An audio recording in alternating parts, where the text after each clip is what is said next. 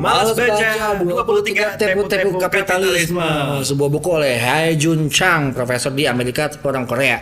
Eh, Buku ini bercerita tentang bagaimana kapitalisme itu selama ini telah menipu kita dengan hal-hal yang membuat seakan-akan ekonomi itu susah dipelajari padahal sebenarnya gampang dibikin ribet menghitung dan berhafal gitu ya. Berhafal berhitung dan menghafal ngentot. Dan kita dibikin supaya seakan-akan kita ini goblok gitu padahal kita bisa jadi pinter. Jadi buku ini berusaha membuat kita lebih pinter untuk belajar ekonomi. Ya musik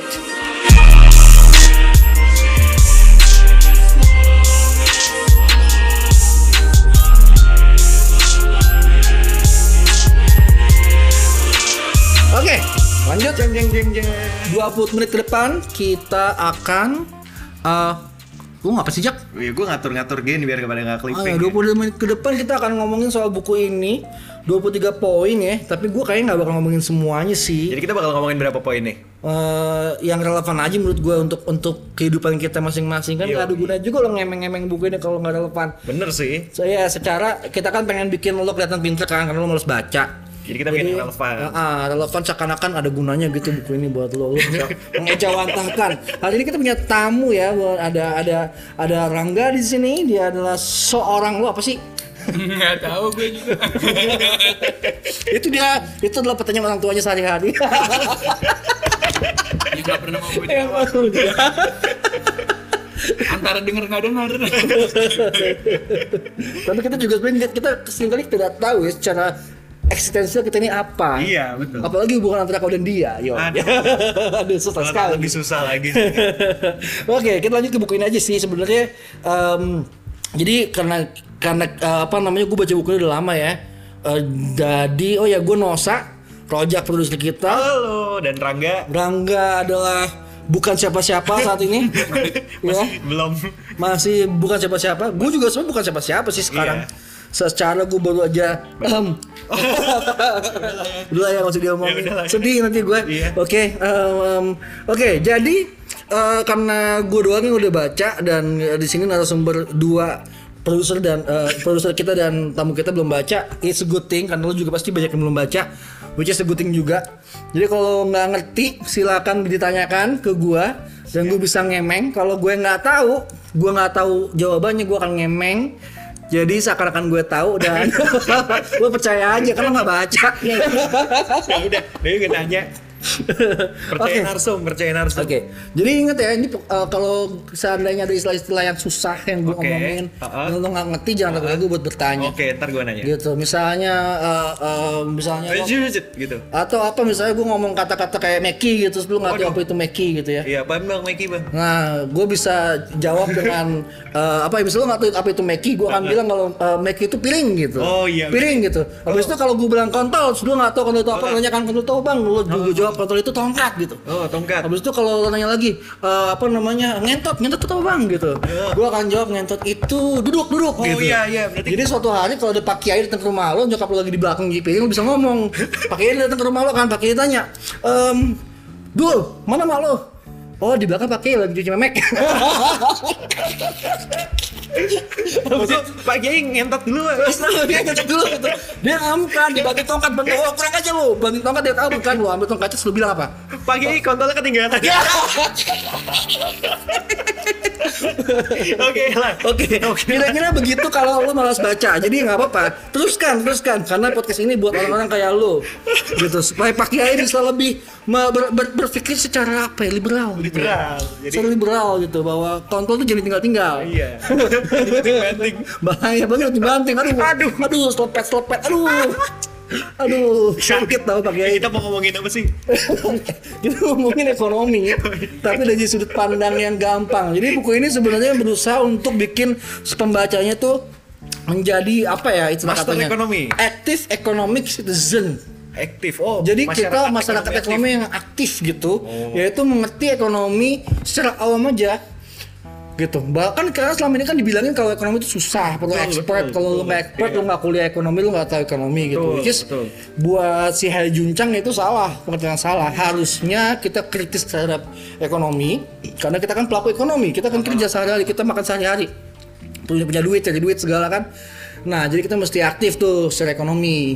Nah, aktif tuh artinya juga kritis kan. Nah, dia pengennya bikin kayak gitu. Jadi Jadi pengennya tuh cuma politik doang ya. Enggak, dia pengennya tuh seakan-akan ekonomi itu bisa sama kayak let's say lo nggak perlu jadi dokter buat tahu kalau Lo sakit? lo, nyampur panadol sama autan tuh lo bisa mati gitu. Kayak Oh, gitu. Nggak perlu gitu. Berarti lo bisa bayangin segoblok apa tuh nyampur panadol autan sama apa sih biasanya campurnya? Tiga roda gerus. Tiga roda gerus aja anjing tiga roda gerus men. Atau apa sih itu penter-penter itu? Oh. Waduh. Apa, Mantap tuh. Ben, bukan itu penter-penter itu lihat kalau beli tuh. gelas, minuman gelas itu anjir. Campur tuh. autan sama panadol. Ah, campur Torpedo. kocok anjir. Itu giting murah sampai akhirat, Bro. Enak banget dan lu kan nggak bisa jadi dokter kan buat tahu bahwa itu bisa bikin lo giting habis itu Betul. mati muntah-muntah. gitu. Nah, dia maksudnya pengennya kayak gitu Oke. gitu. Nah, jadi intinya sih buku ini mengkritisi em, dua jadi kan gini ya, ada ada ada dua dua ideologi besar di ilmu ekonomi gitu antara kontrol siapa yang pegang kontrol atas ekonomi sebuah negara apakah negara ataukah individu-individual kalau lo orang liberal gitu yang katanya Harari di buku Sapiens dan Medius itu katanya orang yang telah menang Iya. liberal gitu lo akan milih bahwa lo nggak percaya sama negara lo percayanya sama kekuatan individu-individu untuk berkompetisi dan melakukan apa ya kegiatan ekonomi gitu ya jadi kayak lo kalau nggak kompetitif lo kalah gitu Oh. sementara kan kalau lo ngomongin yang lebih kiri atau sosialis lo percaya sama kekuatan institusi semacam negara atau kumpulan komunitas-komunitas untuk menentukan nasibnya sendiri gitu ya Iya. jadi bukan bukan bukan individu-individu gitu bukan orang-orang liberal yang bebas berkompetisi gitu. Nah, eh, buku ini sebenarnya cenderung ke kiri-kirian ya, walaupun dia eh, ngomongnya bahwa gue nggak anti, gue nggak anti kapitalis gitu. Cuman sebenarnya ya dia agak-agak condong percaya bahwa eh, negara tuh bisa sebenarnya membuat mem- membangun eh, ekonomi lebih baik daripada apa yang terjadi sama neoliberal sekarang nih liberalisme sekarang nih di mana eh, eh, akal-akalan banyak hal ya kayak sekolah jadi mahal gitu kan karena negara nggak ngurusin sekolah. Eh, apa air juga diprivatisasi jadi kita mesti beli air tadinya enggak. Atau banyak hal yang tadinya mestinya gratis jadi nggak gratis gitu lama-lama juga matahari dijual di kalengan gitu kan gitu sekarang matahari udah mulai dijual sih setiap lebaran buset di iklannya Parah sih. Buset itu ibu-ibu di apa di rice cooker. Mama di rice cooker anjing. Ah, Bang. Mbak, apa sih lagunya apa sih waktu itu lo tahu lagunya itu anjing. Lupa gua. Keren tuh lagunya tuh. Pokoknya di, di rice cooker sih. Iya. ya udah kita akan ngomongin beberapa aja dari 23 yang yang yang menurut gue penting buat kita tahu. Eh, Betul. jadi pertama eh, soal pasar bebas. Menurut buku ini nggak ada tuh namanya pasar bebas. Ada pasar tidak bebas. Pasar tidak bebas. Pasar Kenapa pasar tidak bebas? Iya, Karena pasar punya aturan. Nggak ada pasar yang nggak ada aturannya gitu. Pasti ada aturannya mana yang dikasih uh, privilege mana yang enggak gitu. Setiap negara punya aturannya sendiri. Jadi kalau ada negara yang bilang bahwa uh, lo mesti membebaskan pasar lo di negara lo, negara itu sebenarnya lagi akal-akalan sama lo. Mau ditepu-tepu gitu ya. tepu-tepu gitu. Sebagai contoh misalnya eh di negara apa sih itu siapa eh, negaranya Samoa Samoa Oh, Samoa Samoa. tuh, Samoa. Jauh banget contohnya sampai Samoa. Ya, ini contoh yang nggak ada di bukunya nih. Oh, iya. Tapi kira-kira kalau gue pakainya akan pakai Samoa karena gue baru baca soal Samoa kemarin. Oke. Samoa itu negaranya The Rock itu. Jadi eh, mereka itu kan sempat jadi negara miskin ya. Hah?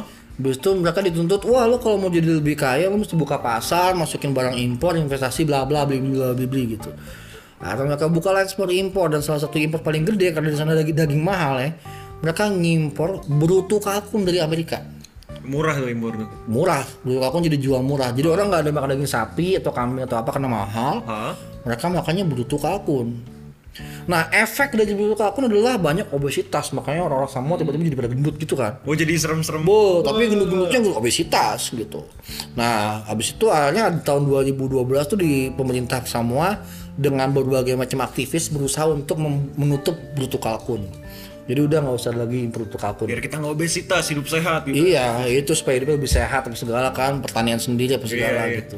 Terus juga menghentikan beberapa berbagai macam uh, impor bibit-bibit genetik gitu loh yang bisa bibit-bibit pertanian yang bisa bikin orang kira ngaco. bibit-bibit. Genetik yang di itu loh yang lo panen bisa lima kali Oh, iya, setahun iya, gitu iya, yang gila-gila gitu. Nah, yang terjadi adalah katanya kan pasar bebas tuh begitu pengen dikendalikan NAFTA atau apa namanya ikatan apa ikatan perdagangan Amerika Utara itu Hah? langsung memblokir, memblokade ekonominya Samoa. Di blokade, produknya nggak boleh masuk. Loh, kenapa? Karena lo kita nggak boleh bebas buat jualan bruto. Lah, gitu. Masalah bruto, tiba-tiba satu ekonomi sebuah negara diblokade bro. Cuman gara-gara pantat ayam kalkun men. Pantat ayam, PA. Gila PA banget kan. Bisa tuh dipaksa untuk dibuka dong gitu. Anjrit. Nah kalau kita lihat 98 misalnya kita ekonomi krisis itu kan juga sama tuh gara-gara pasar bebas. Jadi eh, gara-gara pasar bebas tapi di kita doang. Gitu. Kenapa? Karena negara-negara yang menyuruh kita membebaskan pasar kita itu kagak bebas negaranya. Lu pikir gampang bikin usaha di Amerika kalau lo orang asing? Nggak bisa. Susah tahu di ya. Cina ya susah. Lu juga mesti ada afiliasi sama orang Amerika. Lu mesti ada wah pokoknya dipaksa deh supaya seakan-akan eh, apa namanya lu harus buka pasar lu gitu tapi gua nggak gitu ya, anjing gue gitu kan ya anjing gitu Ah, ngaco nih Oke, gue mulai gitu. paham nih saat nggak ada pasar bebas gitu kan. Mm-mm. Jadi ada kontrol pemerintah di negara-negara yang suruh kita bebas ini. Ada peraturan-peraturan. Terus ada privilege buat orang asli sana, orang negara sana yang yang tidak didapatkan orang sini. Kita selama ini selalu mengagung-agungkan eh, pengusaha luar negeri kan, bule. Iya betul.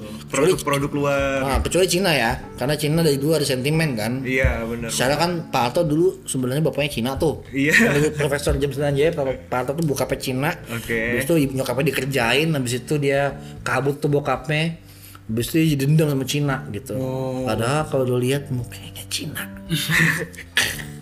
Gak kedengeran kan? Kayaknya Cina. Negara paling rasis tuh negara Cina. Sekarang kayak iya dong, lu lihat dong kalau misalnya Olimpiade gitu. Hmm? Olimpiade terus eh, dipanggil misalnya Indonesia, lu bisa lihat ada orang Cina, orang hitam, orang apa, orang apa gitu ya. Oh. India ada orang hitam, ada orang coklat, ada orang apa. Cina, Cina semua. Yeay. iya bener sih. Nggak salah sih. Gimana? Anyway, kita cinta Cina ya karena kita ada di bawah lindungan Cina sekarang. Iya. Karena habis berapa kapal? Iya. Iya, tiga enam puluh kapal Cina masuk ke kita kemarin di Natuna ya, bagus Lindungi. sekali. Ah, ah, ah, dilindungi dengan militernya Cina sekarang ya, mengambil ikan-ikan kita. Ah, ah. Aduh, aduh.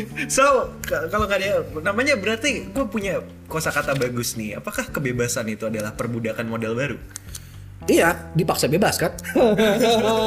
Berarti human are Lu, condemned lu harus to be bebas. free. Are condemned to be free is a condemnation which is not freedom at all. gitu. Sartre in a new level itu. Yo, sate in level in economics. Sate in unilever yo. Anjot. Gitu. Deep banget sih. Jadi ya sebagai contoh ya itu contoh-contoh gampangnya sih begitu ya. Tapi contoh apa namanya? Ada contoh susah Ya, ya? eh, contoh susahnya di bukunya sih sebenarnya buku ini buat gua nggak berhasil untuk membuat kita menjadi lebih pintar secara ekonomi karena berat bener anjing.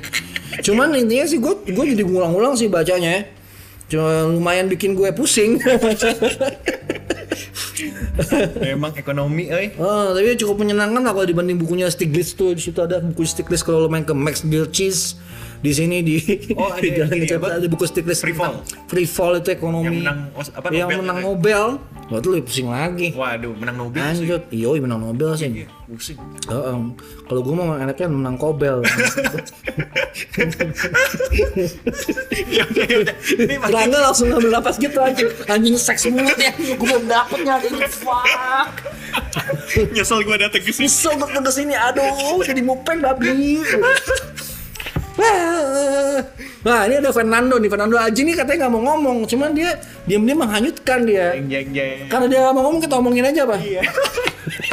Oke, ini makin ngelantur nih. Ya lanjut Po- Poin kedua eh, Ini agak susah nih menurut poin kedua adalah eh, eh, perusahaan-perusahaan terbuka atau PT-PT itu yang punya pemilik-pemilik saham tuh Iya, heeh. harusnya tidak dikendalikan oleh pemiliknya. Oh. Berarti Tidak tidak hak tidak mementingkan kepentingan pemiliknya. Jadi mementingkan kepentingan Kepentingan pekerjanya. Wih, itu komunis banget ya kan? komunis kiri, banget, kiri banget kiri ya. banget kan. Tapi sebenarnya menurut si Hajunjang nih Marx tuh nggak yakin Marx itu kapitalis. Wih, di ini Karena menarik. Marx berpikir kalau kita ngomongin Marx ya, iya, kalau iya, lu tau, lu tau Marx nggak penyanyi? Iya. eh siapa? Penyanyi siapa? Penyanyi. Wherever you go, whatever you do.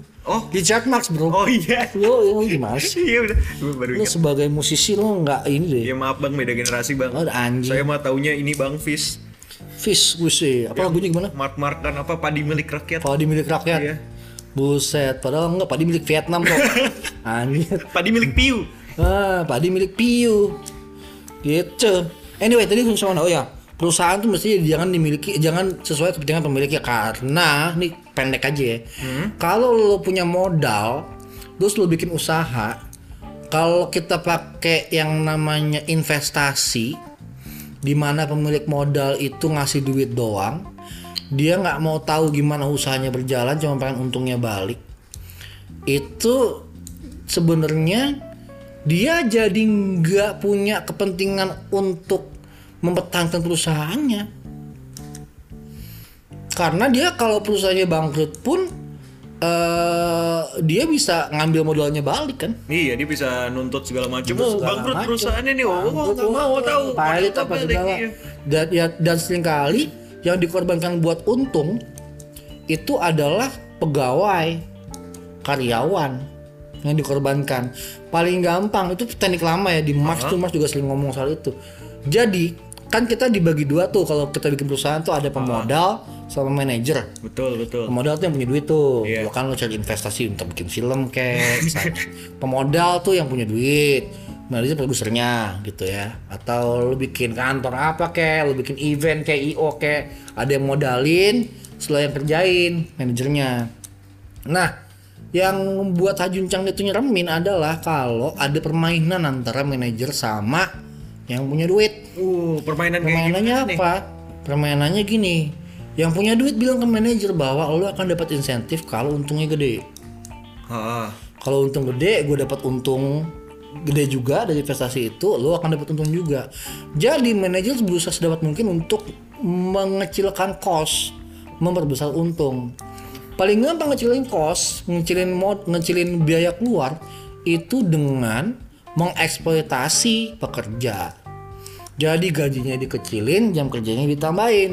kerjanya dibanyakin. Jangan dibanyakin karena pekerja kan dianggap bisa digantiin. Kalau pada mati ya sudah, ganti udah, aja. kasih ini. Lu nggak suka kerja sama gue? Gampang keluar aja, gue cari yang baru. Iya, kan gitu ya. Gitu, dia nggak punya kepentingan itu dan selama manajernya itu apa nggak punya nggak punya sifat eh, kepemilikan terhadap perusahaannya dan hanya berpikir soal untung seperti layaknya dia seorang pemilik saham Hah? ya susah perusahaannya buat maju makanya perusahaannya juga banyak kan yang uh, short term gitu Oh, I see. dan mereka juga berusaha supaya pekerja-pekerja nggak punya jaminan dengan apa dipecat semua diganti dengan sistem kontrak. Ya, betul gitu. itu. kontrak lah outsourcing lah kayak gitu-gitu kan bikin lebih murah tuh. Betul. gitu. Tapi akhirnya yang terjadi adalah bisnisnya juga uh, short lived dapat bubar. Gitu. Tapi nggak peduli dong udah dapat duit udah udah untung bubarin bikin baru. Udah untung bubarin bikin baru. Ketika lo bubarin bikin baru lo dapat duit udah nih. Iya. tapi kan pekerja pekerja lo nggak punya pekerjaan habis itu. Betul. nah buat Tajuncang itu deal yang jelek itu, deal yang jelek deal. itu Meskipun deal. menguntungkan tapi bad deal. Bad deal karena in the long run gitu dia tidak menguntungkan eh, bes- se- untuk untuk para pekerja dan para pemangku pemangku kepentingan Heeh. dan kalau lo nggak nguntungin pemangku kepentingan lo akan membuat ekonomi nggak stabil terus I see. Berarti ini ini tujuannya Hajuncang tuh kayak grand banget gitu ya. Iya dia pengen ekonominya stabil dan progresif gitu. Jadi kalau kita ngomongin soal kemarin ya si Harari ngomongin Sapiens Ah. tentang bagaimana lab laboratorium Iya. itu bisa memajukan uh, manusia dengan uh, progres-progres dan lain-lain. Itu kan dia mesti ada kestabilan politik kan, stabilan ekonomi, stabilan politik. Kalau misalnya kita nggak stabil, eh, ekonominya Hmm. gitu. Orang gampang dipecat gampang dipecat gitu. Berarti kan banyak ketidakamanan Tuh, secara ada, finansial. ada kayak ah, disruptif bukan? Disrupt- bukan disruptif sih. Ih, jadi kita kan kayak ah fuck man gue besok makan apa Iya, gua kontrakku udah habis nih, mau ngapain nih gitu. anjing otak gue udah habis. Gitu. Jadi anjir deh. Eh, itu tadi poin ke Dua. kedua oke. Poin kedua. Eh, poin ketiga Jadi poin kedua tuh sebenarnya bisa dipakai buat argumen-argumen sih. Kayak ke bos lo gitu. Bos, lu kalau kayak gini lu nggak akan bisa menstabilkan ekonomi dunia, bos. Mending jadiin gua karyawan tetap deh gitu gak sih? dia juga mikir kayak yang itu kan jadi kan berarti kan kalau dia adalah seorang manajer yang kong kali kong sama pemilik modal Ah, ya nggak ada untungnya buat dia gitu iya ya. Berarti harus dari manajernya enggak, gua nggak peduli makanya ujung-ujungnya mesti kebudayaan sih kayak oke gue punya etika gue punya apa namanya moral yang uh, bisa membuat uh, ada niat baik gitu untuk membuat Oh, orang lain juga I see. sama-sama besar gitu loh tapi selama itu nggak ada susah itu yang ditakutin dari dari neoliberalism gitu Oh iya. karena neoliberalism itu artinya paham di mana orang bebas bersaing dan uh, kalah saing itu biasa aja tapi nggak ada jaminan sosial uh, segala-gala hal bisa dimainin harganya gitu kan Iya iya. eh, dibebaskan full ke pasar gitu yang mana pasar bebas ya nggak bebas invisible hands itu invisible hands Adam Smith tuh. Katanya kan kalau kita bebasin pasar kan ada akan ada tangan-tangan Iya, iya. yang tak kelihatan yang akan mem- yang akan mengendalikan pasar gitu ya. Tangan-tangan itu bro nggak kelihatan. Karena nggak ada bro. Makanya dibilang invisible. nggak ada tangan-tangan itu. Nggak ada. Eh, kita tuh hidup perlu dengan kontrol-kontrol itu gitu. Ujung-ujungnya tetap akan ada privilege dan kontrol-kontrol itu. Makanya kita harus selalu kritis melihat keadaan pasar keadaan ekonomi kita gitu bagaimana kita cari duit bagaimana duit kita dikendalikan sama orang gitu kalau kita nggak kritis susah iya, ya udah ngikut kontrak aja. Ah, gitu. Terus ada beberapa lagi ya, kayak di poin ketiga eh, bilang bahwa kebanyakan orang di negara kaya itu dibayar melebihi dari kemampuannya. Yoi. Ya misalnya ada dua orang, kalau di buku kan contohnya supir itu supir si Raj Iya, sama si. Sven. Ras di India, di Bangalore, Sven di Swedia gitu. eh Raj lulusan SD juga nggak lulus, Sven lulusan SMA. eh tapi gunanya ijazah SMA buat Sven apa? Nggak ada orang di supir-supir aja gitu. Iya kok. dia mungkin dia dapat mobil yang lebih enak jalanan lebih enak gitu ya. Sementara Raj jalannya rusak macet pemerkosaan dalam bus gitu kan. Tantangan sehari-hari tai banget kan si Raj ini kan. Parah sih gue nah, jadi menurut menurut lu jagoan siapa gak jagoan Raj apa jagoan Sven dalam nyetir. Nyetir. dalam nyetir di, di dulu super bus nih. Jagoan super bus Swedia apa super bus India Si Raj yang di India itu. iya pasti lebih jago yang India orang dia tiap aja ngeliatin berjalan berlobang ngeliatin orang-orang bejahat. Jawa gila. Yoi. gitu kalau ada demo buruh dibakar di semua. Dibakar. Buset. Apa Sven gak bakal pernah ngalamin itu. Betul. Dan seandainya si Ras itu pindah ke Swedia, dia akan jadi tenaga kerja murah dan berskill. Gila, skillnya bakal keren banget tuh si Sven gitu. Eh si si Raj, sorry, si Raj. Sven nggak ada apa-apanya. Itulah yang ditakutkan banyak orang-orang negara maju kan ketika orang-orang negara berkembang pada pindah ke sana dengan skill yang kasar-kasar itu dan digaji mau rendah rendah nggak apa-apa gaji murah tapi skillnya lebih jago daripada orang sana gitu. Gitu loh. Untuk untuk kerja-kerja kasar ya. Gitu. Lo pernah nggak ngeliat eh, di apa ada video-video di YouTube juga tuh orang-orang Indonesia? Kuli-kuli yang pada pindah ke Eropa tuh mereka kalau lagi ngebangun rumah Hah? itu di, di, direkam rekam ditontonin sama Oh orang Eropa. serius? Kenapa? karena kalau masang kalau masang benteng bentengnya dilempar ke atas Wih. iya kita kan kalau masang benteng kan ambil tangkap Iya. pasang ambil tangkap pasang gitu. sementara kalau mereka kan kayak pakai gede apa traktor dulu apa dulu kita mah bodoh amat sih ya bodoh lempar genteng taruh lempar taruh wah gila tuh skillnya kayak kungfu banget bro Tapi gue salut sih maksudnya kuli-kuli apa bukan kuli-kuli pekerja bangunan di Indonesia tuh modal rokok sama extra jos pun jadi rumah gitu. Nggak usah. rokok extra jus kalau malam stres autan. Udah, betul. Nah, sih di, di extra josnya Anjing. anjing. Kocok-kocok. kocok-kocok beuh. Nampol pisan. Kalau bayangin juga kulit kulit juga enak juga. Misalnya anjing gue stres nih bokeh. Ada yang ibon kan? Pakai lagi. Banyak jalan menuju mabok. Tapi yang jelas lebih jago lah dan lebih murah juga. iya. Terus lanjutin nih. Jadi mereka udah jelas ya nah yang bikin orang-orang ini pada kaya lebih kaya gitu ya jadi kuli digaji berapa lebih kaya daripada kita adalah ya politiknya gitu jadi dia emang dispesialkan kan di negara dia gitu dia dapat privilege dia orang lain di sana warga negara dan sebagainya dan sebagainya Rasis gak tuh? Em, enggak juga cuman itu membuktikan satu poin Apa? bahwa pasar nggak bebas. Kalau bebas, si pengusaha-pengusaha di Swedia tuh akan milih imigran, nggak milih. Iyalah, nggak usah pilih orang dalam. Tapi pengusaha itu nggak bisa milih imigran karena ada undang-undang pemerintahan negara ngontrol itu. Gitu. Itulah yang sekarang kalau kita lihat Jokowi itu sangat-sangat hajuncang sebenarnya. Oh. Sekarang sekarang ini kan banyak bule-bule pada dipulang-pulangin tuh. Oh. Makanya susah jadi pekerja ekspat di sini. Heeh. Gitu. Itu kan cara dia untuk itu. Dan perusahaan asing kalau masuk mesti ada afiliasi dengan perusahaan nasional gitu kayak gitu-gitu. Dibikin kayak gitu. Berarti makin ini. Perlindungan terhadap warga negara. Gue ngebayanginnya negara perlindungan warga negara ntar negara kayak makin bersaing gitu negara gue lebih maju negara gue lebih maju udah nggak friendly sama negara lainnya Enggak juga. Persaingan itu kalau dalam neoliberal kan enggak kalau dalam liberalisme dan kapitalisme kan penting ya persaingan. Cuma kan yang yang penting adalah fair game. Jadi eh, free trade itu Hah? freedom does not mean fair. Kebebasan itu bukan berarti fair. Gitu. Nah, yang ingin yang kita inginkan kan sebenarnya kan bukan cuma bebas tapi fairnya. Heeh. gitu. Gimana kita bisa tetap fair gitu? Fair dong kalau misalnya eh, negara lain nyuruh kita untuk eh, menerima tenaga kerja dari dia. Heeh. gitu. Tapi dia nggak mau menerima tenaga kerja kita. Ya kita nggak mau terima tenaga kerja dia ya juga. iya Nggak sama usah. dong. Iya. Nggak usah fair kan? Fair. Gitu. I see. Gitu intinya kan gitu. Nah terus juga eh intinya privilege itu di politik ya. Iya. Gitu.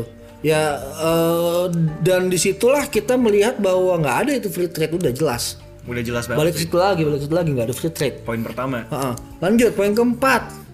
Yang lebih mana yang lebih menyumbang untuk dunia? Mana nggak menurut logika lo? Mesin cuci apa internet? Lebih menyumbang buat apa tadi? buat peradaban dunia mesin cuci apa internet? One million dollar question. One billion dollar question. Apakah lo mau phone friend? Apakah lo mau 50-50 Ask the audience. 50-50 ask the audience. Bisa mikirin pertimbangan-pertimbangannya sih buat milih salah satu sebenarnya. Maksudnya pertimbangan-pertimbangannya secepat ini nih. ya cepet cepet cepet cepet. Seperti ini nih. apa apa apa apa apa? Hmm, ketika gua ngasih value lebih ke internet karena internet bikin eh, orang-orang di belahan dunia mana pun bisa tahu apa yang terjadi di mana-mana. Cuman apakah eh, hal-hal yang dia tahu dari situ benar-benar punya fungsi yang mendasar gitu loh buat buat hidupnya dia gue nggak nggak nggak nggak nggak tahu deh maksudnya harus harus ngasih jawaban apa. Cuman kalau untuk sekarang sih gue bilang internet. Internet. Untuk seorang internet. Untuk sekarang. Menurut Hai Juncang yang membuat peradaban kita mungkin dan ada internet dari awal tuh di internet adalah mesin cuci. Oke terima kasih karena penemuan mesin cuci adalah oke oke. Anda baru saja mendapatkan ya apa? Mesin cuci. Iya, mesin cuci. Mesin cuci itu jadi katanya eh, menurut Hajuncang penemu cuci itu telah memungkinkan perempuan-perempuan di Amerika dan di Eropa untuk terjun ke dunia kerja.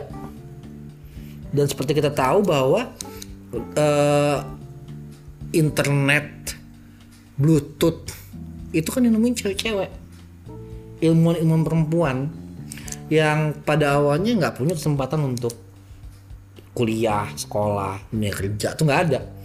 Ketika ada penemuan-penemuan yang mem- yang mengubah domestifikasi ya rumah itu diubah jadi cewek-cewek itu bisa pada keluar. Ada gelombang tenaga kerja baru men yang masuk ke pasar kerja yang membuat produktivitas jadi langsung naik parah. Di situ mulai muncul macam-macam, termasuk internet. dan teknologi. Nggak ada, nggak bakal ada tuh Amerika sampai ke bulan tanpa ilmuwan-ilmuwan matematikawan cewek-cewek itu. Bahkan kita baru tahu kemarin foto Black hole. black hole Black hole. tuh cewek yang dapetin. Cakep lagi. Cakep lagi, Iya cakep men. cakep lagi, Pinter lagi. pinter lagi. Aduh, Ya, gue juga pernah lihat itu tuh. gue pengen jilat. Ya, Enggak, enggak, enggak. sensor. Tuh apa tadi tuh? foto cewek yang ngebangun apa kode-kode mesin Apollo yang dipakai ke bulan bulan itu tuh. Nah, itu cewek juga yang nulis. Oh, itu cewek ya. cewek juga. dan dananya nyentrik lagi pakai kacamata bulat gitu kayak anak sekarang cewek Wih, Iya, kayak gitu. Pasti dia punya mesin cuci. buku-buku code-nya ditumpuk sampai lebih tinggi dari dia. Iya lu bisa bayangin cewek-cewek ini. Makanya kita juga kayak banyak ketakutan-ketakutan. Jam satu ketakutan-ketakutan maskulinitas gitu. Takut cowok-cowok tuh banyak nggak bisa kerja gitu cewek-cewek yang lebih jago kerjanya dapat duit apa segala gitu cewek-cewek banyak nggak mau kawin nggak mau punya anak karena takut dia nggak bisa punya karir gitu ada juga yang yang super banget punya anak punya apa Iya. kayak kayak Sri Mulyani ya punya Iya. anak punya keluarga tapi gue kenceng bener Jago juga. buset supermom supermom gitu kan nyeremin bener Tapi pasti punya mesin cuci. Iya.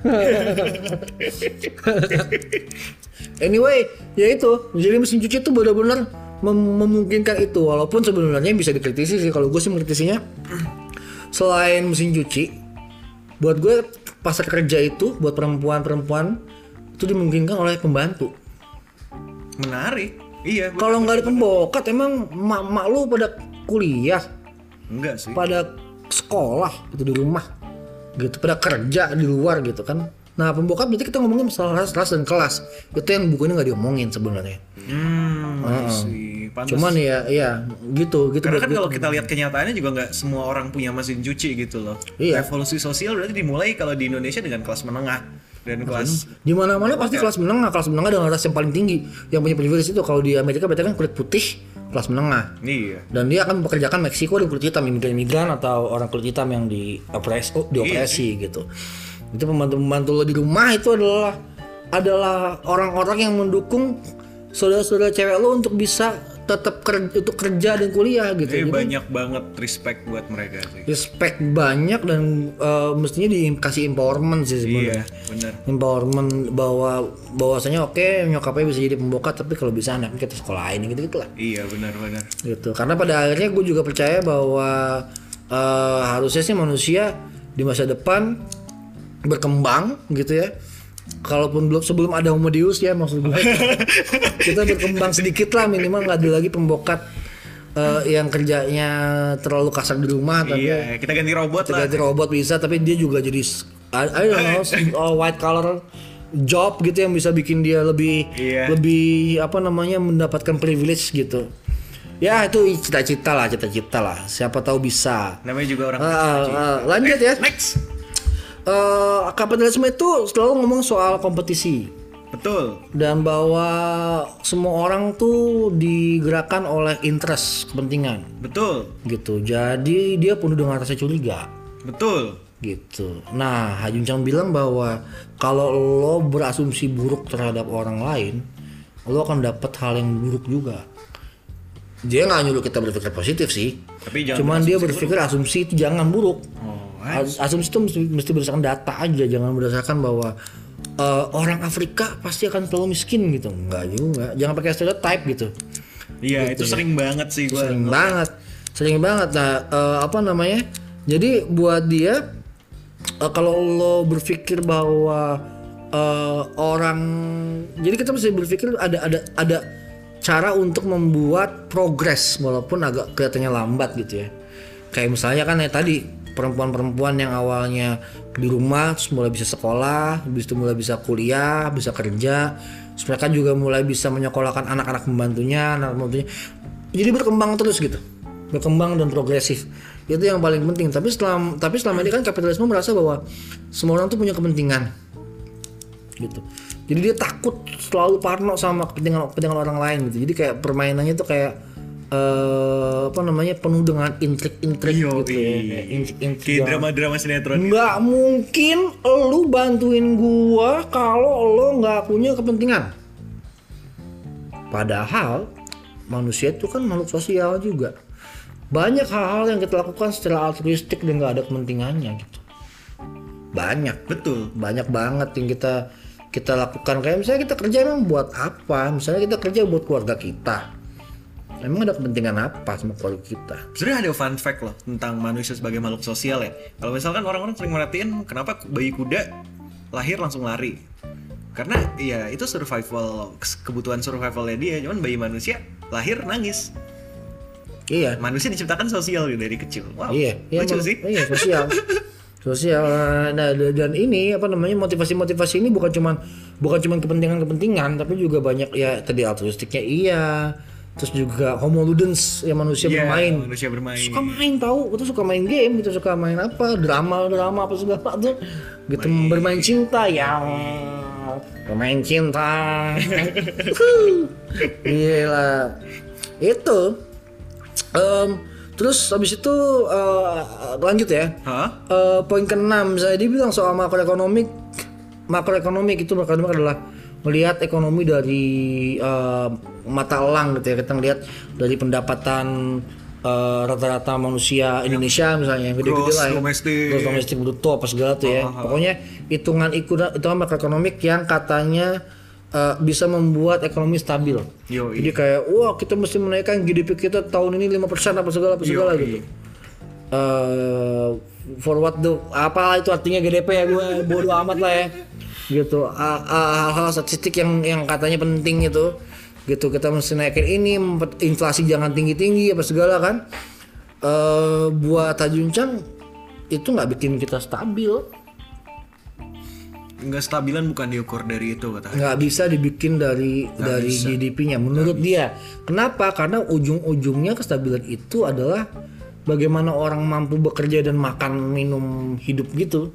Dan lo nggak bisa ngukur itu sering kali gitu. Sekarang kayak di Indonesia misalnya, paling gampang. Oke, cak. Ini enak banget nih. Ini gue gua udah ngebahas ini. Ini contoh yang paling asyik nih. eh kenapa makanan-makanan di mall gitu itu bisa mahal tapi OB OB di mall itu dibayarin murah Kenapa makanan di mall bisa mahal? Menurut lo kenapa? Karena enggak. kenapa dimungkinkan sebuah eksploitasi besar harga buruh di mall-mall atau di pabrik-pabrik Bukannya emang bahan makanannya mahal ya? Enggak ya? hmm? Kok jadi eksploitasi? Apakah harga bakal makan bakal makanannya mahal Gue curiga kiri banget ya. Gue perlu hati-hati ngomong. Enggak kiri dong. banget ya enggak ya? Enggak dong, ini gampang banget jawabannya. Sekarang semu eh, yang diukur sama negara secara makroekonomik tuh. Dia ngukur semua perusahaan yang formal ada legalnya kan. Dia ngukur PT, CV, apa pun itu LLC apa pun itu ya. Dia ngukur mall-mall tuh dengan semua perusahaan dan label-label dan semua brand-brand yang tercatat di Kementerian eh, apa namanya eh, Kementerian Yang ngurusin gituan yang ngurusin gituan lah lupa gua. anyway ini tercatat untuk eh, apa namanya Kementerian Ekonomi ya, untuk Equin gitu ya. Eh, ekonomi ekonomi segala. Jadi kita bisa melihat perkembangan ekonomi kita dari institusi-institusi yang formal itu. Tapi kita jarang hitung yang informal, Kayak tukang pecel, tukang parkir gitu. tukang parkir, Tukang nasi uduk. kalau suduk, warteg, gitu. Orang-orang ini bisa hidup dari makanan-makanan informal ini. Informal Karena bukan murah. berarti ilegal tapi kan? sebenarnya ilegal, tapi kalau dilegalkan, kalau dilegalkan, itu GDP bisa ngedrop. Uh, gitu. Ya enggak usaha-usaha Jokowi Ahok dulu untuk bikin pajak buat watak. Hah? Apa nggak pusing? Oh pernah ada ya? Pernah usaha buat bikin pajak pajak watak gitu. Nggak jadi tapi akhirnya. Nggak jadi. Kendalanya gimana? Kendalanya eh, pengusaha watak banyak yang protes. Ha? Padahal pengusaha watak tuh banyaknya pengusaha beneran loh. Dia nggak mau bayar pajak. Dia ada kalau lihat ada watak yang chain gitu, jaringan franchise gitu. Oh iya iya gue pernah lihat. ah. banyak banget yang banget. barokah lah, apalah apalah itu dulu nggak ada pajak ya sekarang katanya beberapa ada, udah ada Oh, yang udah pakai pajak. pajak. udah ada yang pakai pajak tapi banyak juga yang nggak pakai dan itu ada kayak contoh-contoh di mana dia boleh nggak bayar pajak gitu Eh, asal kecatat tapi juga banyak juga yang yang nggak nyatet pajaknya dari mana I usaha-usaha itu nah warteg nasi goreng orang abang-abang pinggir jalan segala itu kan nggak bisa bayar pajak Hah? dan itu memastikan bahwa buruh-buruh itu dibayar murah tapi bisa hidup. Karena bisa makan. Tukang sayur berpajak atau tukang sayur? Nggak bayar. Nggak bayar pajak. Enggak bayar. gitu. Nah artinya dia tidak tercatat di dalam laporan laporan ekonomi negara. Kalau gitu berarti nggak nggak nggak Nggak nggak ada buktinya bahwa itu membuat kita bagus gitu. Dan nggak bisa jadi titik ukur stabilitas. Nggak bisa nggak bisa kita stabil kalau emang barangnya ada dan kita memang bisa makan. Itu aja. Gitu. Sekarang orang-orang juga banyak yang bilang sebagai petani kok. Petaninya juga nggak ada proses pencatatan. Mau gimana? Gitu kan? Terus em, ada lagi teori yang bilang kalau pasar bebas itu bisa membuat negara miskin jadi kaya. Wih. oh, bullshit Indonesia belum bebas berarti dong masih miskin. Sekarang kita masalahnya gini loh, ada oposisi binar yang kita tahu tiap hari nih kayak Hah? negara miskin, negara kaya, Iya, negara iya. berkembang, negara negara terbelakang, negara maju, Negara terbelakang. negara terbelakang berkembang maju. Berkembang mundur. anyway, itu kan kayak oposisi-oposisi binar seakan-akan dunia itu hitam putih ya. Iya iya benar. Padahal kalau lihat Indonesia, Jakarta itu kota yang seperti negara berkembang kan. Iya iya. Tapi kalau lo ke Bekasi, Itu kota. Itu kota. itu kota Jupiter, Iya. planet lain. Makanya gue naik itu kota. itu kota di planet lain itu adalah eh, itu membuktikan bahwa kita lebih modern daripada Elon Musk karena kita telah membuat kota di luar angkasa. Elon Musk masih berpikir dengan segala mimpi-mimpi. Yo, dia masih nyoba-nyoba SpaceX kan diterbangin roket meledak, terbangin roket meledak kan. Kita udah nyampe planet lain, planet Bekasi itu. Malah Bekasi. Lo nggak percaya bahkan Bang bisa saja sudah ber- bercinta di luar angkasa. Yoi. Dan itu sebenarnya mereka bercinta di Bekasi. di luar angkasa. Tinggal dicek. Eh, Oh gitu. gitu. Gitu. Terungkap sudah Terungkap misteri-misteri sudah ini. misteri-misteri ilahi ini bahwa kita orang Indonesia memang selama ini punya buruk sehingga kita bisa sampai ke negeri yang sangat jauh ada di sana tempelkan tangan saudara di radio saudara dan saudara akan sampai jadi podcast ini juga akan sangat lama ya tadi janji kita juga 20 menit kita break tapi sekarang udah 40 menit kita belum break eh, ini cuma buat nemenin kalian yang mau ke planet Bekasi Iya. jadi sejauh-jauhnya kalian berjalan, kami tetap jalan. Paling enak didengerin kalau mau OTW ke Bekasi sih. Hotel ke Bekasi kalian tiba-tiba sudah sampai Di langit ketujuh. Jangan anjir. Jangan anjir. Hati-hati di jalan ya. Kita di jalan, kita lanjut, Iya. kita lanjut. Oke, jadi itu nggak bikin negara miskin jadi kaya ya itu free market Pasar bebas itu, Pasar bebas kan tadi contohnya kan yang dari Samoa ya. Iya, betul. Gitu, apalagi di Indonesia juga sekarang kan Jokowi kan berusaha untuk kita bikin eh, apa namanya semua barang-barang yang raw yang Kita jadi material, matengin. kita jadi matengin di sini kita jual keluar kita ekspor. Jadi kita nggak jual lagi let's say eh, Sawit. fruit palm oil gitu sawit Iya. yang masih mentah Itu sawit lagi kontroversi tuh katanya. Ya iya. Iya, Jokowi bilangnya begitu, padahal kita mah tahu itu juga pembakaran hutan kan buat sawit selama ini. Jadi ya buat si malakama itu dimakan bapak mati nggak dimakan emak mati. Wih. Jadi ya serba salah gitu. Paradoks. Ya memang, tapi memang kalau kita ngomong lingkungan juga banyak yang eh, orang-orang kayak Donald Trump gitu kan bilang bahwa ini isu lingkungan ini menghambat ekonomi gitu. Dan Jokowi juga sekarang jadi jahat kan? Karena sekarang Jokowi jadi jahat bener tuh. Jokowi itu sebenarnya tuh udah selesai presidennya dia semenjak dia diangkat itu dia udah jadi apa namanya dia berubah jadi ini men Eh yang ngambil an- yang uh, wo, wo- Wokoji Dodo Iya, Wokoji Dodo. Wokoji Dodo itu dia dia kembaran jahatnya Jokowi itu Wokoji Dodo tuh Dia kayak diculik deh, terus Diculik kayak alien. syup, dikasih. Heeh. disekap di Bekasi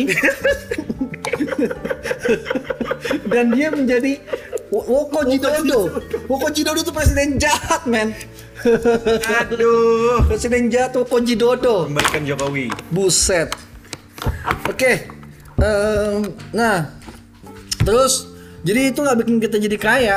Ba- justru malah kalau kita menutup negara kita dalam hal pengaturan nih, ya itu yang bisa bikin negara kayak Cina atau Amerika jadi Ya, Cina lagi terkenal kaya. banget tuh Cina tiba-tiba langsung jadi kekuatan dunia gitu. Iya, karena Cina kan kayak eh, dia oke lah lo boleh berusaha di sini, lo boleh deh gua gua kasih nih buru-buru murah, tapi semua barang-barang lo gua kopi, mampus kan lo.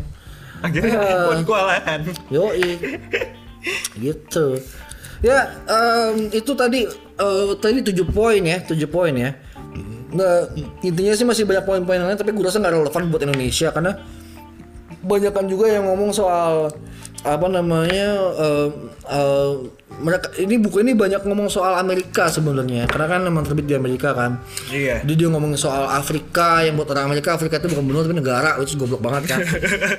Negara yang ada ratusan itu benua dengan ratusan negara dipikirnya satu negara namanya Afrika kan goblok. Orang Amerika tuh gitu tuh bilang Indian lah padahal nggak ada India di sana.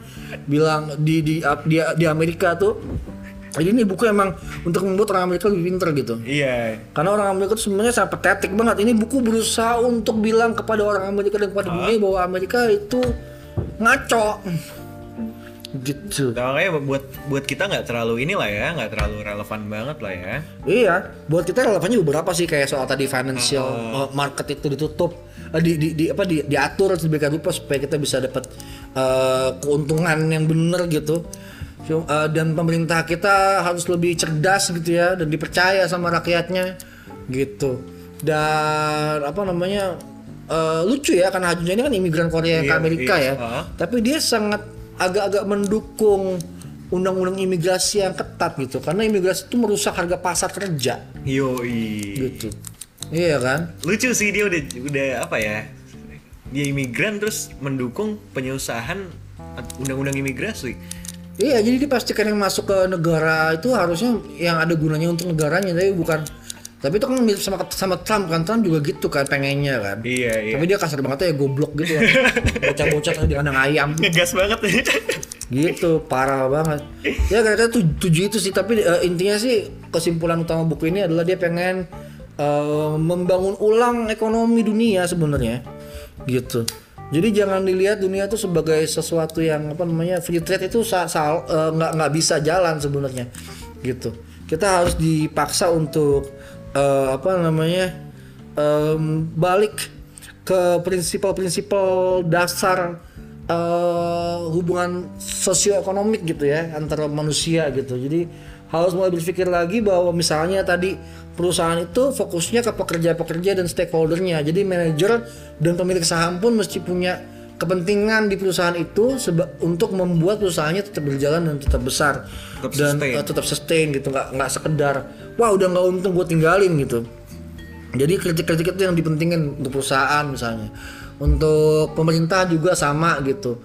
Bahwa pemerintah pemerintah pemerintah yang nyuruh ngebuka negara orang, negaranya tertutup. gitu. Tertutup, betul. Yang negaranya terbuka tetap miskin, tetap, tetap bikin miskin juga.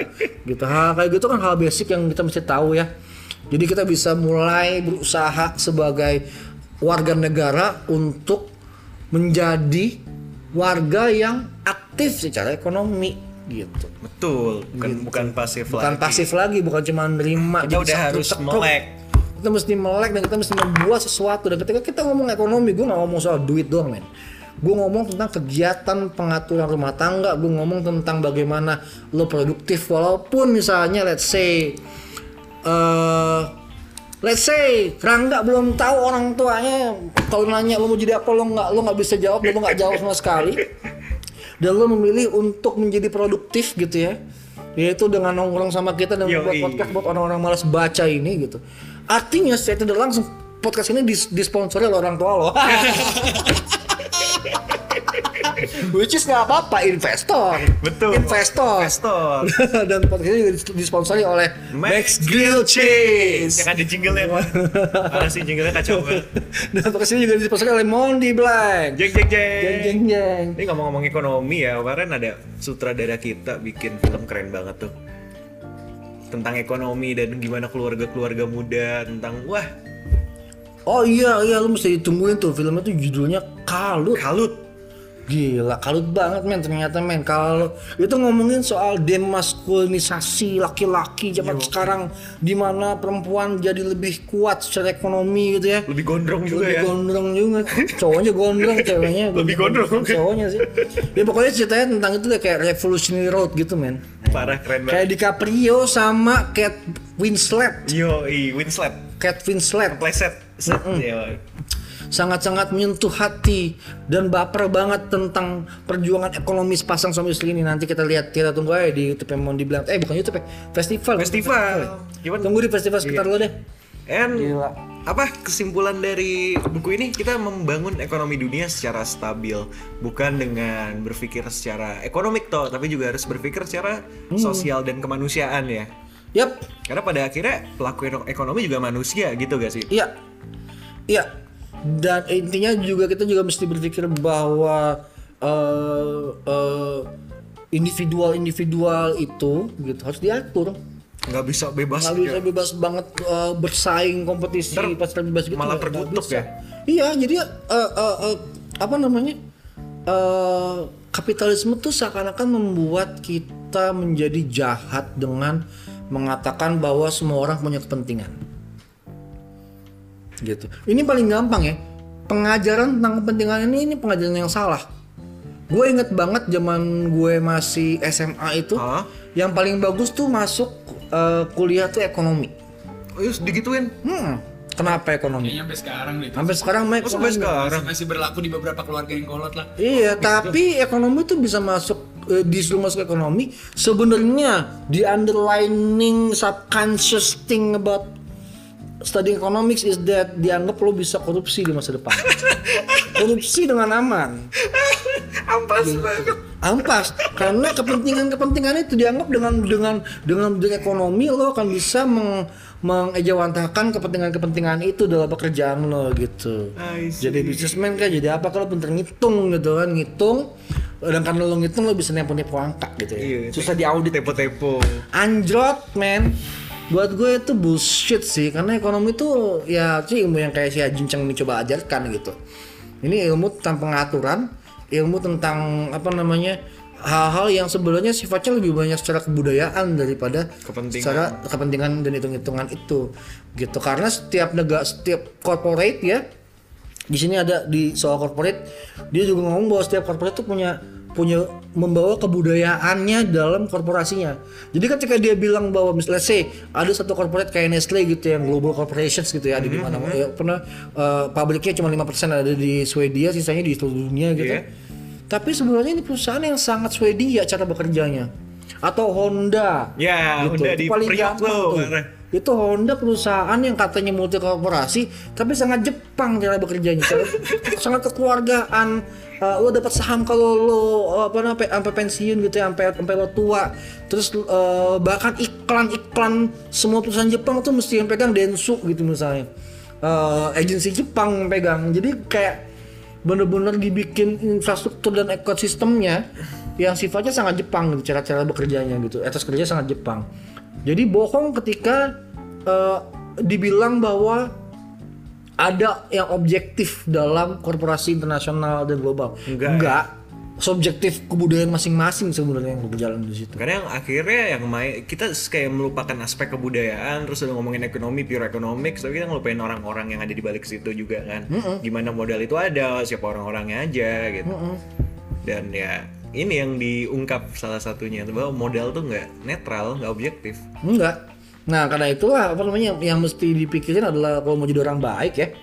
Ya udah pemodal lo modalin sesuatu tuh jangan cuma mikirin bahwa modal itu adalah angka yang lo harapkan akan balik ke lo, tapi juga lo mesti berpikir tentang ideologi-ideologi di balik sesuatu yang lo kasih modal. Wih itu dalam banget sih gua mikir langsung fuck shit Iya dong, iya kan lu jangan sekedar gitu doang. Apakah lo akan modalin perusahaan-perusahaan yang jelas-jelas merusak alam misalnya, gitu. Ya Jokowi ya, Pak. eh, sorry bukan Joko, Joko sih. Wi, wo, wo, wo, woko, Wo- Wokoji Dodo. Wokoji. Woko. Ya Presiden Wokoji, tolong Pak Presiden Wokoji ini dipikirkan baik-baik bahwa apa yang Bapak lakukan sekarang merusak alam dengan eh apa namanya menyalakan persaingan ekonomi untuk membenarkan eh, perkebunan sawit itu itu susah Pak. Aduh, Pak Wokoji. Pak Wakoji, Pak Wakoji. Pak Wakoji siapanya saya Koji? Pak Wokoji bisa nge-rap.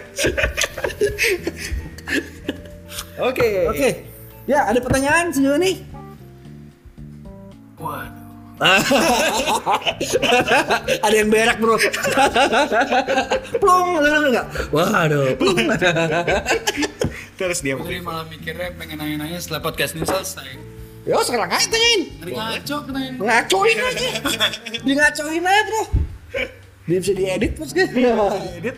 Tadi tolong di ya tadi Iya. ngomong gitu ya. Disensor ntar. Soal black hole soal gue suka sama mbaknya. Ya, eh mesti ngomong. Gue dua kali dong ya. Empat kali dong. Ntar gue sensor pakai suara itu. Lo mau nanya apa? Ntar dulu deh.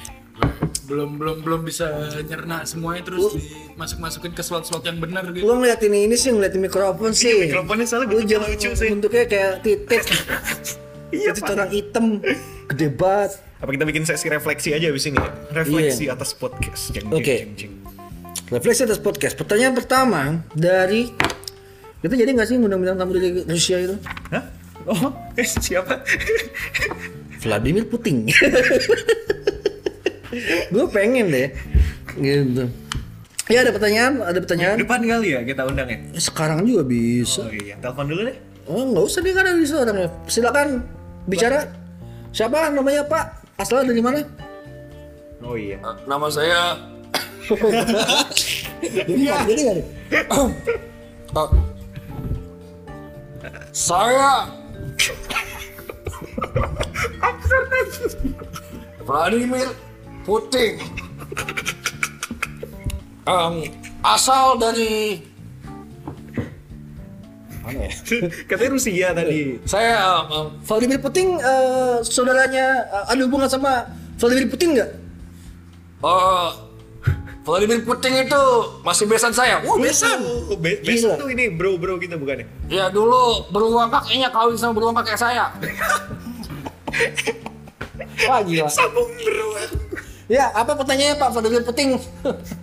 Eh, jangan dipanggil nama lengkap dong kalau bisa. Nama saya, kamu boleh panggil saya Puput atau Ting Ting, bebas. Kalau Puput, Puput, Pak Puput. Iya, Puput. Oke. Jadi apa ada pertanyaan Pak Puput? Ya pertanyaan apa Pak? Em, itu kalau ah, Amerika dan Cina itu dibilang em, negara yang telah eh, menipu kita dengan kapitalismenya gitu. Eh, saya mau bertanya em, soal eh, bagaimana pendapat Anda yang membaca soal itu eh, tentang Mother Russia yang mana kami sudah bubar sebagai Uni Soviet karena kami katanya para liberal tidak punya insentif. Kamu kenapa ketawa kamu? Iya bang. Kamu tidak menghargai saya kamu ya? Iya bang. Saya empan kamu ke beruang kamu. Iya bang, ampun bang. Habis bapak bilang bangkrut. Saya kira.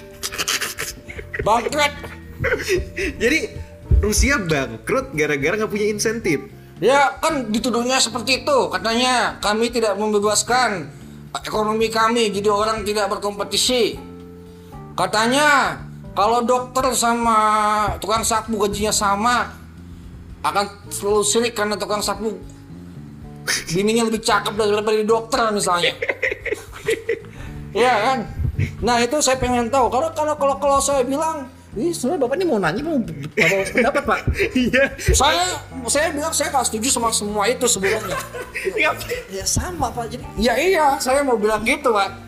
Jadi, menurut saya, em, buku itu ada benarnya juga bahwa saya rasa Rusia itu sekarang lebih kuat daripada sebelumnya karena kami sudah berhasil menghilangkan LGBT-LGBT.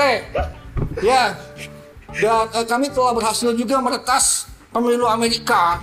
Jadi ya ya, ya jadi apa pertanyaannya Pak? ya nggak ada pertanyaannya itu aja. Anjing. Dua kali ngundang bintang tamu nggak ada yang bener ya? Apa? Iya, eh, masih. Astagfirullah. Iya bang. Kamu tahu pak, saya di sini punya senjata namanya AK. AK 47. Agak. Oh itu senjata yang mahal itu ya pak? Oh mahal, titiknya gede. Aduh, ya Pak, makasih Pak. Mau saya pesanin tiket langsung. Biar balik. Ya terima kasih Bapak Vladimir Putin atas pernyataannya. Em, saya akan menanggapi pernyataan Bapak deh kalau gitu soal eh, Soviet. Soviet itu bubar karena katanya Nggak punya eh, insentif. nggak punya insentif gitu. Sebenarnya kan kita tahu ya bahwa pembubarannya itu kan nggak sekedar insentif ya nggak sekedar tentang itu tapi juga masalah yang lebih jauh lagi tuh kebudayaan ideologi dan bagaimana perang dingin tuh membawa janji-janji baru dari produktivitas negara barat gitu ya itu kan yang mau dibangun sebenarnya narasi itu yang yang mau dilihat bahwa bukan cuma masalah insentif tapi juga ketidakmampuan eh, untuk menyatukan negara-negara kecil-kecil yang sangat berbeda bahasa dan kebudayaan itu. Dia nggak kayak Indonesia berarti ya. Eh, iya dalam arti kalau saya lihat sih Indonesia itu menjadi cukup kuat dan cukup bersatu karena dia kepulauan malah Oh, oh, oh, oh. dipisahkan sama laut dan disatukan sama imajinasi bersama gitu. Tapi kalau sedangkan kalau Uni Soviet karena dia landlocked eh, sama kayak Amerika juga Amerika juga sebenarnya bisa tuh dia nggak bersatu kalau mau dilihat tuh contohnya Amerika sama Uni Soviet sama Cina sih. Cina kan sangat keras kan gitu Eh, kita bersatu dengan dengan kekerasan dan imajinasi bersama itu dan dia negara tua sekali kan 5000 tahun sementara Amerika dengan tata politik gitu bersatunya dan dengan janji-janji ya polis-polis lah yang dibikin federal kan ah. sementara kalau Uni Soviet pengennya nggak federal pengennya kayak Satu kesatuan. Uni Soviet harga mati kan gitu ya kan kayak NKRI gitu pengennya Tapi bukan karena insentif ya. tapi bukan cuma karena insentif tapi Banyak. emang nggak jalan juga ya banyak gitu Baga- baga- bagaimana puas Pak Puting ah ya sudahlah Aduh Pak Putin. Ya makasih loh Pak. Puting Iya Pak, Pak Puput. Pak Puput. Iya, makasih Pak Puput Ya, udah makasih, Pak datang. Puput. Hmm, hmm. ada lagi pertanyaan udah dapat belum pertanyaannya belum Mau Dian apa gimana? Oke, jadi kita sudah me- mencapai waktu eh, 40 menit lebih Iya. ya. Jadi kita akan akhiri podcast kali ini em, dengan sebuah apa ya? Kutipan. Kutipan. Kutipan. Kutipan. Kutipan pertama adalah eh, dari Hai Jun Chang. Saya akan bikin lebih simpel ya. Eh, prinsip-prinsipnya apa aja gitu untuk mengubah dunia itu. Em, kita harus ingat bahwa eh, profit kalau kita bebaskan gitu orang mencari profit gitu ya eh itu bisa membuat kita tambah rugi gitu kalau kita bebaskan pasar begitu aja. Jadi apa namanya harus ada semacam kontrol, ada mekanismenya gitu, ada regulasinya. Eh di mana kita harus lihat bahwa ekonomi itu ke- kebijakan itu bisa kayak alat kayak pisau yang bisa dibikin bikin produktif buat masak atau bisa buat bunuh orang gitu. Jadi harus hati-hati sama itu gitu. Mesti diorganize kapitalisme itu harus diorganize. Nggak bisa di Bagaikan nggak bisa bebas. karena emang nggak ada kebebasan di situ. Jadi jangan jangan mengimpinkan kebebasan di tempat yang tidak ada kebebasan sama sekali gitu. Atau malah terkutuk untuk bebas. terkutuk untuk bebas gitu. Ekonomi baru kedua nih ekonomi baru mesti dibangun eh, dengan mengakui bahwa akal manusia itu terbatas sebenarnya gitu. Oh, mengakui finitas kita Unitas ya. kita gitu. Kita terbatas. Jadi apa namanya ka- kita harus bisa membuat ekonomi ini lebih simpel gitu. Jangan terlalu kompleks dan penuh spekulasi spekulasi Ya udah biar simpel aja lah ya. kayak misalnya kan paling susah kan misalnya saham. Iya, itu saham spekulatif. itu spekulatif banget. Dari itu kayak dijual sama berapa tingkat orang gitu. Iya. udah nggak jelas gitu.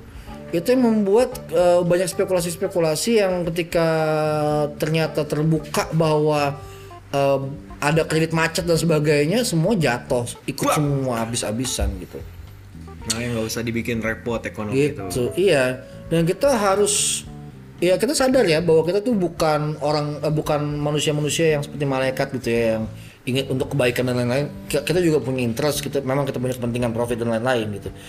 Tapi kita mesti bisa membangun sebuah sistem yang bisa membuat orang-orang itu lebih baik bukan lebih buruk Maksudnya gimana? Kalau kita lihat orang lebih buruk adalah kita berusaha untuk me- melihat bahwa oke buruh kita kita juga tetap bodoh gitu pendidikan kita bikin mahal gitu. Iya. Sementara kalau kita memang ingin membuat orang itu lebih baik gitu ya eh, dan dan industri lebih bagus gitu, ya kita bisa mulai dengan hal sederhana kayak misalnya kita bikin pendidikan gratis misalnya Iya, betul gitu betul. kan karena dianggap sebagai seperti kerja gitu dan pendidikan itu nggak semata-mata bertujuan untuk membuat orang menjadi nurut seperti halnya negara zaman dulu tuh nggak lo yang membuat mendoktrin orang dengan ideologi-ideologi supaya nurut dan manut sama sistem. Tapi justru kita mesti membuat orang-orang ini kritis terhadap sistem sehingga dia bisa mengembangkan sistem itu menjadi ekspansi yang besar gitu mengembangkan menjadi lebih baik gitu. Kita nggak ngelihat bos bos kita selalu buruk, tapi punya apa asumsi baik ya. Iya. Yang bos kita gitu. bukan baik sih, tapi nggak buruk aja. Iya. Dan jangan jangan selalu lihat se- segala secara material gitu karena nggak nggak semua hal tuh bentuknya material gitu. Kayak cinta Iya. antara cinta. kau dan dia. Iya. Iya, gitu. Dan kita juga harus ber- berhenti untuk percaya bahwa setiap orang itu selalu dibayar dibayar de- eh, sesuai dengan pekerjaannya. Karena banyak yang dibayar tinggi kerjaannya bleh. Iya Gitu. sih. Dan apa bedanya seorang pegawai negeri yang makan gaji buta dengan seorang supir bus yang gajinya kebanyakan? Bedanya ya gaji mereka beda lu nanya beda dalam konteks apa nih? Dalam masa apakah mereka sama-sama korup? Hmm, Sebenarnya merasa dia nggak korup kan? iya sih nggak korup sih. Tapi sebenarnya korup karena eh, itu nggak fair, gitu. Nggak fair untuk supir bus lain sebenarnya dalam konteks Nah, iya Dutch sama Sven Iya, misalnya. iya. Seperti halnya kalau lo lihat nggak fair pegawai negeri nggak kerja tapi gajinya gede gitu. Nah sih, ha, benar benar benar. gitu. Nah, eh, eh, cuman artinya kalau ada ke eh, setiap hal yang kayak gitu tuh sifatnya politikal. Pegawai negeri yang nggak kerja, yang kerjanya sedikit tapi gajinya gede, itu adalah eh, apa namanya produk dari politik yang kotor di sebuah negara. Politiknya jelek, gitu Itu cerminan politik. cerminan negara politik negara yang hancur gitu karena eh, apa namanya eh, eh, infrastrukturnya tidak jalan gitu Iya. gitu terus juga apa namanya kalau kita bilang juga bahwa orang miskin itu eh, apa berhak miskin gitu apa namanya orang miskin Iya, itu karena miskin salah karena salah sendiri, mereka kan? sendiri dan mereka nggak kerja itu salah karena seperti tadi pegawai negeri nggak kerja dapat duit banyak berarti orang miskin Iya. itu kemungkinan juga struktural miskinnya Bener sih kalau dipikir-pikir kayak dia nggak kerja tapi duitnya banyak digaji lagi. Orang Iya. miskin juga sama-sama nggak kerja. ada orang miskin yang kerja banget tapi nggak dapat duit sama sekali Iya sih. gitu artinya apa itu kemiskinan struktural kita sebutnya bahwa struktur dan sistem kapitalis yang semacam ini yang, merusak. Bebas ini ya. Ah, ah, yang katanya bebas ini yang sebenarnya tidak membebaskan sama sekali tapi mengutuk orang-orang terbawah untuk bekerja keras tanpa uang yang cukup untuk hidup. Jadi struktural banget gitu kemiskinannya.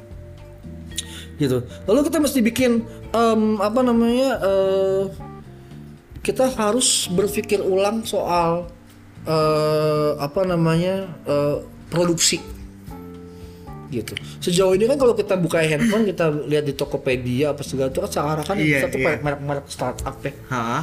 gitu. Padahal kan sebenarnya kan yang kerja banget itu kan orang yang memproduksi itu. Bukan pemasarannya doang, Yang memproduksi barangnya. barangnya.